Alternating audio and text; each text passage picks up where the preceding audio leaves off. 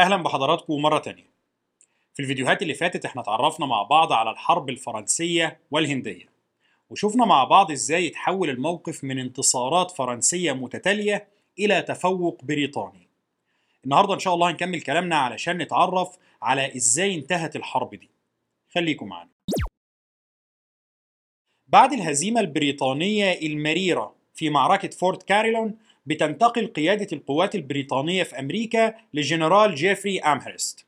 واللي بيلاقي إنه علشان يسيطر على فرنسا الجديدة محتاج إنه في نهاية المطاف يحارب على ثلاث جبهات. الجبهة الأولى كانت ببساطة هي الاستيلاء على الحصون الفرنسية في أوهايو وطرد الفرنسيين منها تماما. ودي جبهة كانوا شغالين عليها بالفعل حتى من قبل تولي أمهرست المنصب القائد العام. منطقة أوهايو هي اللي بدأ منها النزاع. والمنطقة قريبة جدا من المستعمرات البريطانية وبتهددها باستمرار. فلازم نتخلص من الوجود الفرنسي فيها تماما. الجبهة الثانية كانت الهجوم على مدينة كيبك نفسها واللي هي كانت أهم معقل فرنسي في كندا تقريبا. أما الجبهة الثالثة فكانت استكمال السيطرة على فرنسا الجديدة عن طريق السيطرة على مونتريال. والحقيقة أن الخطة دي ما كانتش مفاجأة. تقريبا هو ده اللي البريطانيين حاولوا يعملوه في كل حروبهم السابقة مع الفرنسيين. بدرجات مختلفة من النجاح. نحارب في أكاديا ونبعت حملة لكيبك وحملة لمونتريال. المرة دي كان خلاص مفيش أكاديا لأن البريطانيين كانوا سيطروا عليها بالكامل. فبيحطوا مكانها أوهايو اللي الفرنسيين كانوا لسه موجودين فيها. وبيبقى الثلاث جبهات هم أوهايو وكيبك ومونتريال. الفكرة هنا إنه عقلية الجنرال أمهرست نفسه كانت مختلفة. في كل الحروب السابقة كان البريطانيين بيحاولوا يعملوا حملات متزامنة ضد كيبك ومونتريال في نفس الوقت. على الأغلب كانت الخطة بتشمل حملة بحرية ضد كيبك وحملة برية ضد مونتريال بس تقسيم الجهود ده كان دايما بيضر بالحملتين. في أغلب المرات السابقة حملة مونتريال كانت بتفشل أصلا في إن هي تجمع أعداد كافية وتوصل لمونتريال بالفعل. أمهرست هنا بيقرر إنه ياخد الخطوات دي خطوة خطوة وكل خطوة منهم يمهد لها كويس. بحيث إن هو لما يهاجم مدينة يكون حاصرها من كل اتجاه ويبقى سقوطها في يد القوات البريطانية أمر حتمي. في الجبهة الأولى اللي هي جبهة أوهايو كانت القوات البريطانية اللي مستعدة للهجوم عليها عددهم حوالي 7000 جندي. دول كانوا بقيادة ضابط بريطاني اسمه جون فوربس. القوة دي كانت بتشمل جنود نظاميين بريطانيين ومعاهم جنود من الميليشيات بتاعة المستعمرات. وكان من ضمن المقاتلين فيها جورج واشنطن القوة دي بتلاقي إن أهم حصن في أوهايو واللي لازم يبدأ الهجوم من عنده هو حصن فورت دوكين. نفس الحصن اللي نجح الفرنسيين في الدفاع عنه سابقا وإلحاق هزيمة مرة بالجنرال برادوك. البريطانيين بيلاقوا نفسهم محطوطين في نفس الموقف. إنهم لو عايزين يتقدموا في أوهايو لازم ينجحوا في السيطرة على الحصن ده. بس الفكرة إن الوضع المرة دي المفترض إنه كان مختلف لأن حملة برادوك كانت مكونة من 2000 جندي. المرة دي فوربس جاي ومعاه 7000 جندي. ولكن العدد الضخم ده بيخلق تحدي تاني. هو إنه إزاي هنتحرك في الغابات ب 7000 جندي. برادوك كان حاول إن هو ينشئ طريق بيمتد من فيرجينيا لحد الحصن اللي هو طريق برادوك. وحقق نجاح مبدئي بالفعل في الخطوة دي.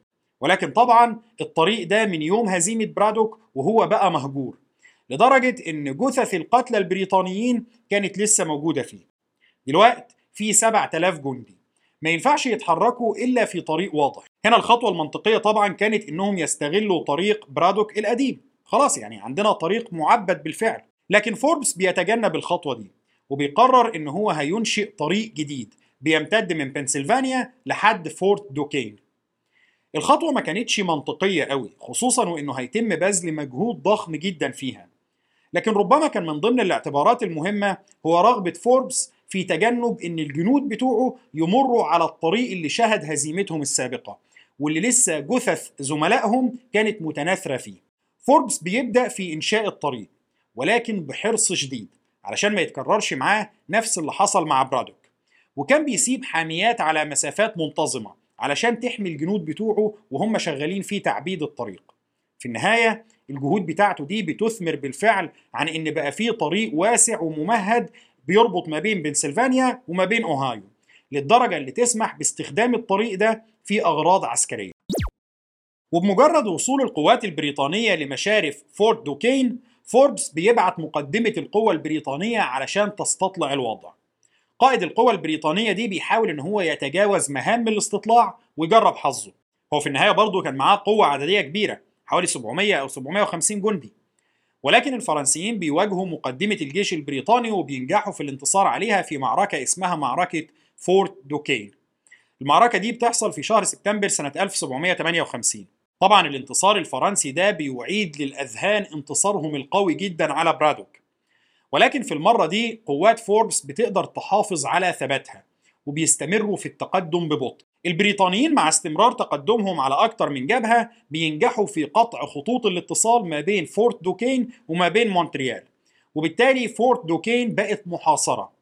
هنا الفرنسيين بيعملوا هجوم مفاجئ على البريطانيين علشان يقدروا يفتحوا خطوط الاتصال دي مرة تانية. الهجوم الفرنسي بيحصل على حصن بريطاني تحت الإنشاء اسمه فورت ليجونيه ولكن البريطانيين بينجحوا في صد الهجوم ده. الكلام ده بيحصل في شهر أكتوبر سنة 1758 وفي نهايات شهر أكتوبر البريطانيين بينجحوا في أهم خطوة في صراعهم في أوهايو اللي هي عقد اتفاق مع السكان الأصليين. الاتفاق ده اللي هو المعروف باسم معاهدة إيستون بينص على إن السكان الأصليين في أوهايو مش هيحاربوا جنبا إلى جنب مع الفرنسيين ضد البريطانيين. وفي المقابل البريطانيين بيتعهدوا بإعادة أجزاء من الأراضي اللي تحت سيطرتهم لقبائل السكان الأصليين وإنهم هيمتنعوا عن التوغل غربا بعد نهاية الحرب. طبعا البريطانيين لاحقا بيخلوا بالشرط ده تماما زي ما هنشوف في الفيديو اللي جاي إن شاء الله. ولكن في المرحلة دي وأمام القوة العسكرية البريطانية الضخمة جدا السكان الأصليين لقوا إنه ما عندهمش خيار لقوا إنه من الحكمة إنهم يقفوا على الحياد. ويسيبوا الأوروبيين يخبطوا في بعض. الاتفاق ده بيتم إبرامه في نهاية شهر أكتوبر سنة 1758 وهنا موقف الفرنسيين في أوهايو بيبقى حرج جدا. خطوط اتصالهم بكندا بقت مقطوعة وبيواجهوا جيش يفوقهم عشر أضعاف وحلفائهم من السكان الأصليين اتخلوا عنهم. وعلشان كل العوامل دي مع بعضها الفرنسيين في شهر نوفمبر سنة 1758 بيشعلوا النار في الذخيرة الموجودة في حصن فورت دوكين.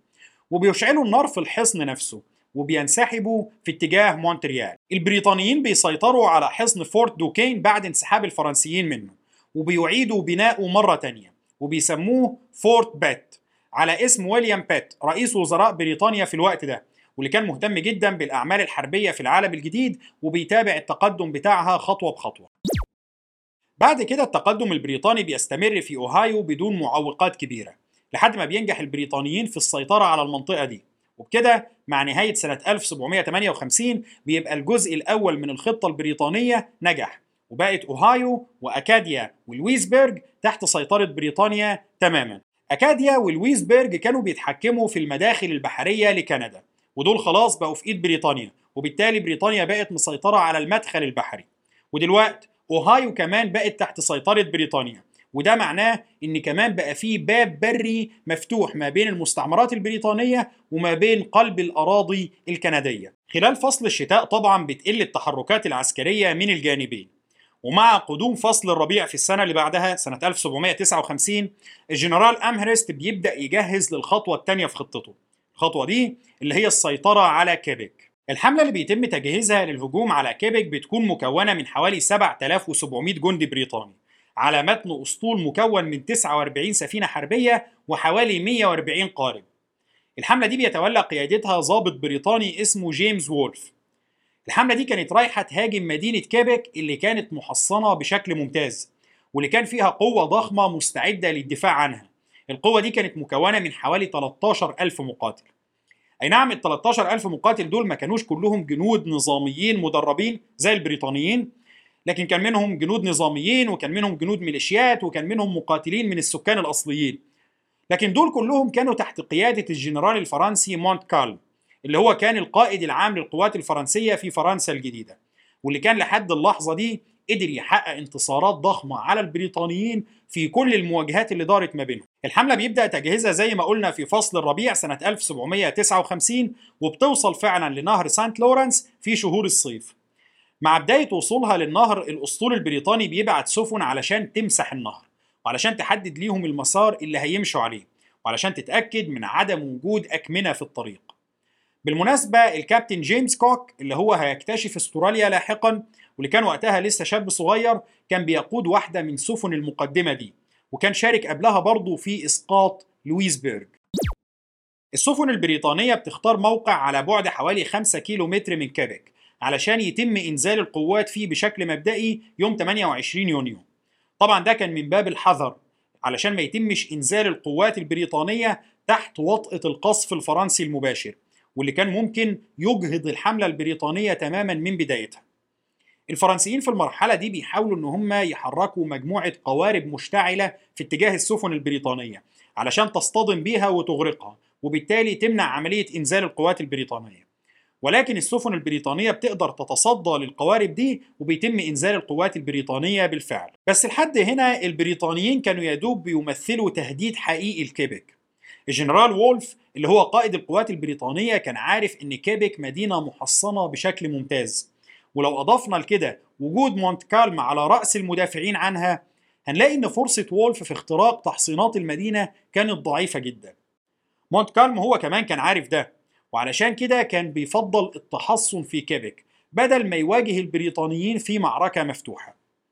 كده الاستراتيجية البريطانية بقى هدفها هو استدراج الفرنسيين لمعركة مفتوحة بينما استراتيجية الفرنسيين كانت التحصن والدفاع لحد البريطانيين ما يزهقوا أو لحد الشتاء ما يجي وساعتها البريطانيين هيضطروا للرحيل غصب عنهم. البريطانيين على مدار شهور بيحاولوا إنهم يهاجموا تحصينات المدينة بلا جدوى.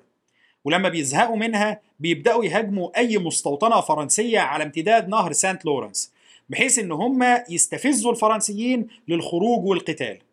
لكن كل محاولاتهم دي بتفشل وبيبقى الوضع على ما هو عليه. المدينة محاصرة وصامدة. ومع قدوم شهر سبتمبر الجنرال وولف بيقرر إن ده الوقت اللي لازم يقوم فيه بمحاولة أخيرة. لأن بعد كده هيبقى الشتاء دخل وساعتها هيضطر إن هو يرفع الحصار ويرحل بلا جدوى. خطة وولف كانت معتمدة على محاولة إنزال قواته بحيث إنه يبقى أحكم الحصار حواليها وقطع اتصالها بمونتريال وبالتالي يضطر مونت كالم إن هو يخرج ويحارب. بس الحقيقة إن اختيار الموقع اللي تم الهجوم عليه هو مسألة عليها خلاف كبير ما بين المؤرخين.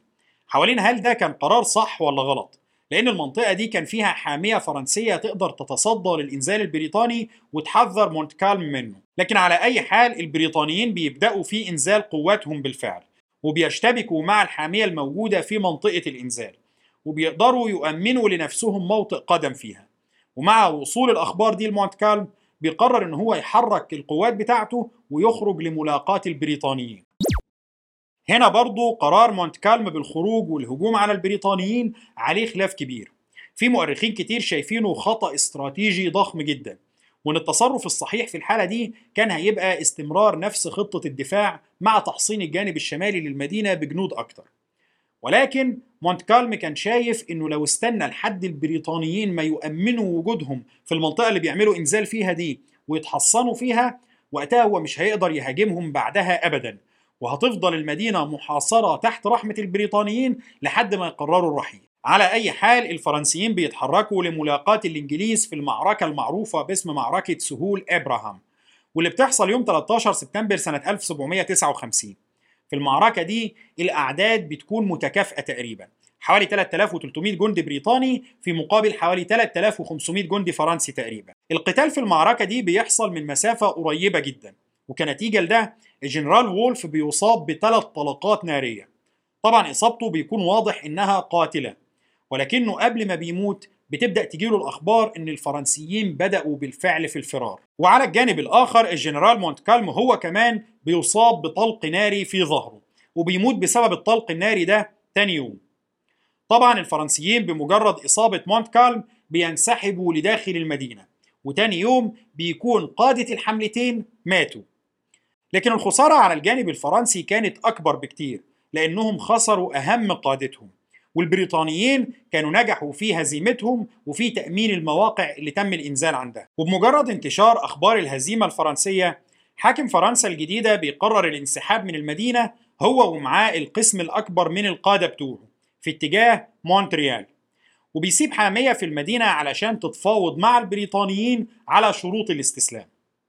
حامية المدينة بتطلب 11 شرط أو طلب كشروط للاستسلام بتاعهم.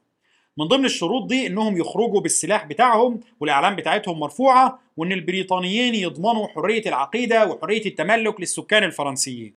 البريطانيين طبعا بيوافقوا على كل الشروط دي وبتستسلم كيبك للبريطانيين يوم 18 سبتمبر سنة 1759 وبكده بيكون أهم معقل فرنسي في القارة الأمريكية سقط بالفعل في يد بريطانيا. وبيبقى فاضل للفرنسيين معقل واحد في كندا اللي هو مونتريال. طبعا كيبك سقطت في نهايات شهر سبتمبر. الفترة اللي باقية على حلول فصل الشتاء كانت ما تكفيش أي طرف للقيام بحملات عسكرية جديدة. الأسطول البريطاني بيرجع لماساتشوستس في شهر أكتوبر وبيسيبوا حامية بريطانية في كيبك بقيادة جنرال بريطاني اسمه جيمس موراي. وطوال فصل الشتاء البريطانيين في كيبك كانوا بيحاولوا بأي شكل إنهم يتجاوزوا فصل الشتاء القارس. خصوصا وإن الهجوم بتاعهم كان حطم المدينة بشكل كبير وكان استنزف المؤن والموارد بتاعتها. بينما على الجانب الآخر الفرنسيين اللي كانوا اتجمعوا في مونتريال تحت قيادة جنرال فرنسي اسمه ديليفي كانوا بيحطوا خطط مضادة لاستعادة كيبك مرة تانية. وبمجرد حلول الربيع من السنة اللي بعدها اللي هي سنة 1760 الفرنسيين كان لهم الأسبقية في التحرك. لأنهم ببساطة ما كانوش قادرين يتقبلوا فكرة فقدان كيبك ضرة التاج الفرنسي في العالم الجديد في شهر أبريل سنة 1760 الجنرال ديليفي بيتحرك على رأس 7000 جندي من القوات الفرنسية ومن حلفائهم من السكان الأصليين للهجوم على كيبك ومحاولة استعادتها. القوة دي كان المفترض إن هي هتواجه الحامية البريطانية المكونة من 3800 جندي تقريبا. البريطانيين كان الشتاء أضعفهم وكانت معنوياتهم أضعف. خصوصا إن الفرنسيين كانوا متفوقين عدديا عليهم. وإن الفرنسيين كانوا عارفين كل خبايا كيبك وفي محاولة من الجنرال موراي إن هو يحسن موقف البريطانيين شوية بيقرر إن هو يجمع كل القوات البريطانية ويخرج يقاتل الفرنسيين خارج حصون كيبك في منطقة اسمها سانت فوا طبعا دي كانت خطوة جريئة جدا الطبيعي إنه في حالة زي دي يدافع لحد ما توصلوا تعزيزات مش يهاجم. لكن على أي حال البريطانيين بيهاجموا الفرنسيين. وبتحصل ما بينهم معركة اسمها معركة سانت فوا أو أحيانا بتعرف باسم معركة كيبك الكلام ده بيحصل يوم 28 أبريل سنة 1760 وبمجرد بداية المعركة بيبقى واضح إن خروج البريطانيين لملاقاة الفرنسيين كان خطأ فادح. الطرفين بيوقعوا في صفوف بعض خسائر كبيرة جدا. لكن النصيب الأكبر منها كان في صفوف البريطانيين. اللي بيخسروا أكثر من ألف جندي ما بين قتلى ومصابين. وده تقريبا كان رقم يمثل ما بين ربع أو تلت القوة بتاعتهم. طبعا موراي أول ما بيدرك الخطأ بتاعه بينسحب وبيتحصن مع الباقي من جنوده داخل المدينة. وهنا الفرنسيين بيحاصروه. ولكن اللي بيحسم الصراع هنا فعلا ما كانش الحصار وإنما كانت الإمدادات. الحصار ده علشان يكون حصار فعال كان محتاج إن هو يبقى حصار طويل.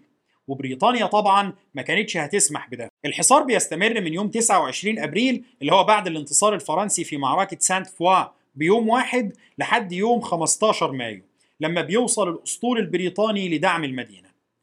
بريطانيا كانت نجحت في توجيه أكثر من ضربة بحرية قوية لفرنسا سنة 1759 وسنة 1760 الضربات دي كلها شلت قدرة فرنسا على إرسال الإمدادات لجنودها في العالم الجديد. وفي الوقت نفسه أطلقت يد البحرية البريطانية في التدخل في أي مكان. ومع وصول الأسطول البريطاني انقلبت الآية واضطر الفرنسيين لرفع الحصار عن كيبك فورا والعودة إلى مونتريال. وهنا جه دور الجنرال أمهرست علشان ينفذ المرحلة الأخيرة من خطته اللي هي السيطرة على مونتريال نفسها وطرد الفرنسيين تماما من العالم الجديد. أمهرست بيجمع القوات اللي تحت قيادته واللي كان يقدر يحركها للهجوم على مونتريال. القوات دي كان إجمالي عددها حوالي 18 ألف جندي. خطة أمهرست بتكون معتمدة على إن العدد ده كله مش هيتحرك كوحدة واحدة تحت قيادة واحدة من اتجاه واحد. ولكنهم هيتحركوا من ثلاث اتجاهات مختلفة لحد ما يتجمعوا في النهاية ويتقابلوا عند مونتريال نفسها تحت قيادته هو شخصيا. الهدف من إنهم يكونوا ثلاث جيوش في ثلاث اتجاهات هو محاولة السيطرة على أكبر جزء ممكن من الأراضي الخاضعة لسيطرة الفرنسيين قبل الوصول لمونتريال.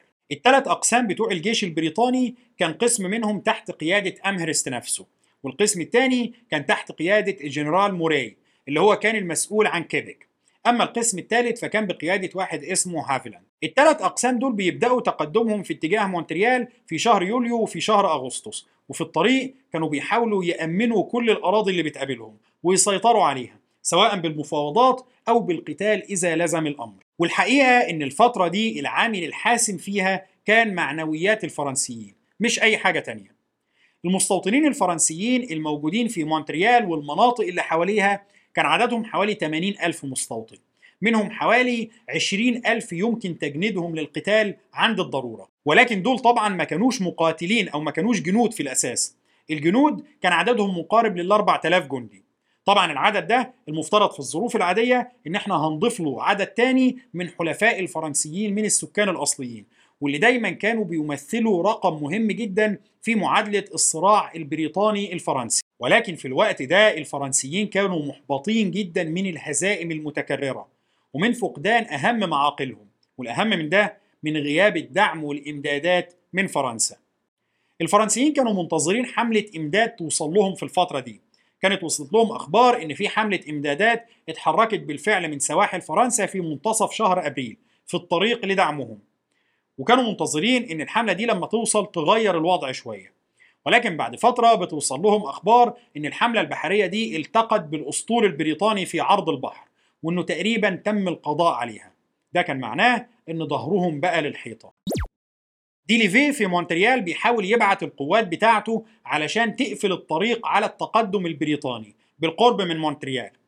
ولكن الحقيقة إن الوضع كان كل يوم بيبقى أصعب من اللي قبله لأن البريطانيين طوال تقدمهم كانوا بيحاولوا يأمنوا المناطق دي. المستوطنين الفرنسيين اللي كانوا ساكنين في المناطق اللي بيتقدم فيها الجيوش البريطانية أغلبهم كانوا بيلقوا السلاح بدل ما يقاتلوا البريطانيين. وده طبعا شيء مفهوم بسبب فارق القوة المهول مستوطنة فيها 100 فرد مش هتحاول تحارب جيش مكون من كام ألف جندي. ولكن بعض المستوطنين دول كمان كان بيقبل إن هو يقسم يمين الولاء لملك بريطانيا. وكان البريطانيين في المقابل على استعداد إن هم يوزعوا على المستوطنين دول بعض الذهب والفضة. كمحاولة لإن هم يساعدوهم في مواجهة الظروف الاقتصادية الصعبة دي أو باختصار كمحاولة لشراء ولائهم ودي الحاجة اللي فعلا عملت تغيير كبير في موقف مستوطنين كتير. خصوصا وإنهم كانوا متوقعين قسوة شديدة جدا من الجيوش البريطانية أثناء تقدمها. السكان الأصليين برضو لما بيلاقوا إن الفرنسيين باقي لهم معقل واحد اللي هو مونتريال وإن الجيوش البريطانية بتتقدم في اتجاه المعقل ده من كل اتجاه بيقرروا إن هم ينسحبوا من الصراع ويحاولوا يعقدوا سلام منفرد مع البريطانيين. هزيمة الفرنسيين كانت أصبحت مسألة وقت والسكان الأصليين ما كانوش عايزين يبقوا في الجانب الخاسر لوحدهم مع نهاية الحرب. وبالفعل أغلب قبائل السكان الأصليين بتنسحب من المشهد وبتعمل اتفاقات مع البريطانيين إنها هتبقى على الحياد. املا في إن ده يخفف عنهم الانتقام البريطاني بعد نهاية الحرب.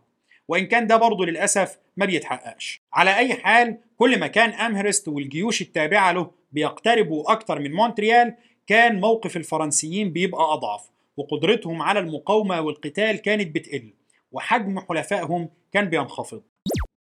أمهرست بيوصل لمونتريال على رأس قواته يوم 6 سبتمبر سنة 1760 طبعا مع وصوله كان الوضع في مونتريال وصل لأقصى درجة ممكنة من السوء والإحباط. مونتريال كانت اتحولت في الوقت ده لمدينة من اللاجئين وسكانها كانوا رفضوا بشكل قاطع إنهم يحاربوا. في حين إن حتى القوات العسكرية النظامية كانت إما هربت من الخدمة العسكرية أصلا أو الجزء اللي باقي منهم مش مستعد بشكل فعلي للقتال. ومع غياب أي دعم من السكان الأصليين أو وجود أي معاقل فرنسية تانية ممكن تساعد مونتريال كان واضح إن مفيش جدوى من المقاومة. القوات الفرنسية اللي كانت موجودة خارج أسوار مونتريال بتنسحب لداخل المدينة وأمهرست بيقدر يعسكر مع جنوده خارج أسوار المدينة بدون مقاومة. داخل المدينة القيادات الفرنسية بتجتمع علشان يتناقشوا هيعملوا إيه. في البداية كان في بعض الدعوات لأن إحنا لازم نحارب مرة أخيرة بشرف.